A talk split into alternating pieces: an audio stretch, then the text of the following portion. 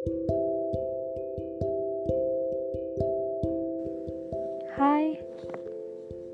Bismillahirrahmanirrahim. Saya akan bacakan surah terjemahan.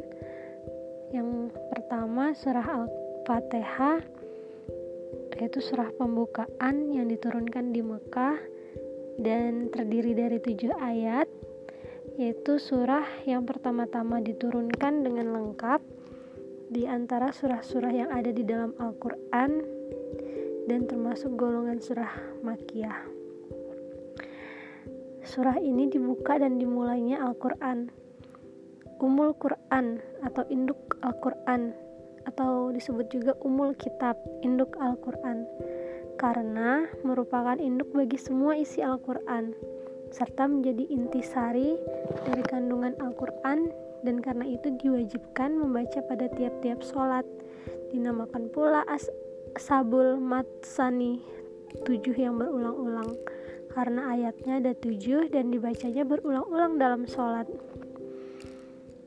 Langsung aja yuk kita baca artinya. Bismillahirrahmanirrahim. Dengan menyebut nama Allah yang maha pemurah lagi maha penyayang yang kedua segala puji bagi Allah Tuhan semesta alam uh, yang pertama berarti saya memulai membaca Al-Fatihah ini dengan menyebut nama Allah.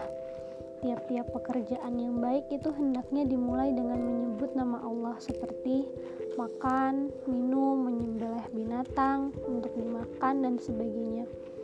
Allah ialah nama zat yang maha suci yang berhak disembah dengan sebenar-benarnya. Yang tidak membutuhkan makhluknya tetapi makhluk membutuhkannya. Ar-Rahman Maha Pemurah.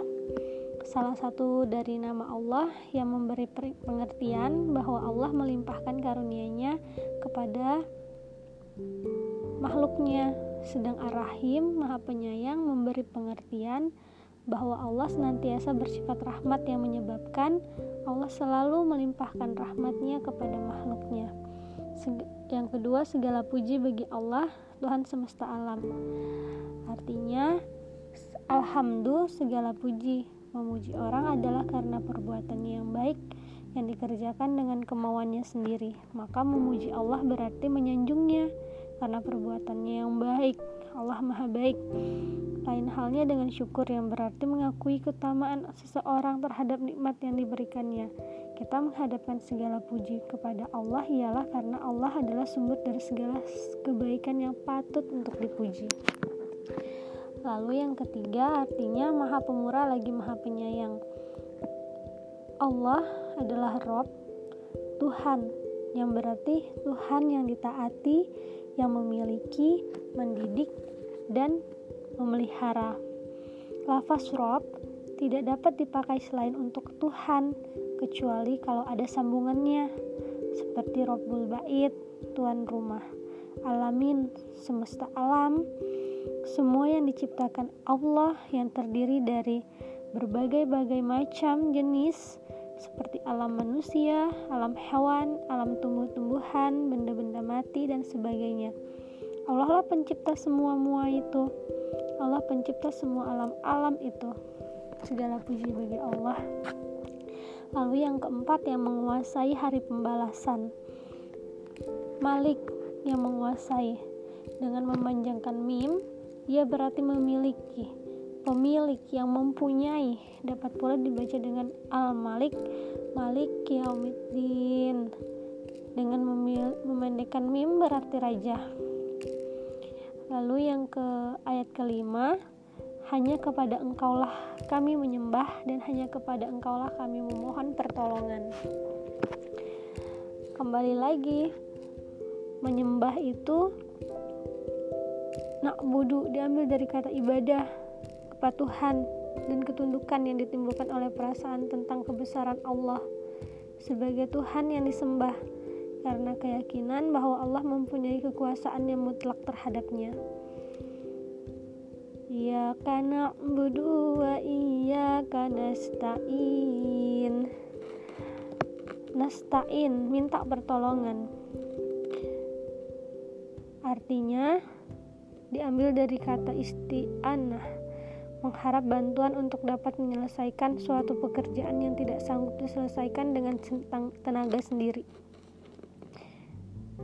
Lalu ada ihdina dalam ayat ke-6 tunjukilah kami jalan yang lurus.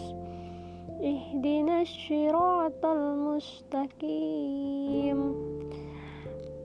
Ihdina tunjukilah kami diambil dari kata hidayah memberi petunjuk ke suatu jalan yang benar. Yang dimaksud dengan ayat ini bukan sekedar memberi hidayah saja, tetapi juga memberi taufik. Lalu yang terakhir ayat ketujuh artinya yaitu jalan orang-orang yang telah engkau anugerahkan nikmat kepada mereka, bukan jalan orang-orang yang dimurkai, bukan mereka yang dimurkai atau orang-orang yang mengetahui kebenaran dan meninggalkannya, dan bukan pula jalan mereka yang sesat, orang-orang yang meninggalkan kebenaran karena ketidaktahuan dan kejahilan. Jadi yang dimaksud dengan ini adalah mereka yang dimurkai dan mereka yang sesat ialah semua golongan yang menyimpang dari ajaran Islam. Makanya kita sering-sering membaca Al-Fatihah. Nah, untuk episode yang kali ini sekian dulu. Wabillahi taufik wal hidayah. Wassalamualaikum warahmatullahi wabarakatuh.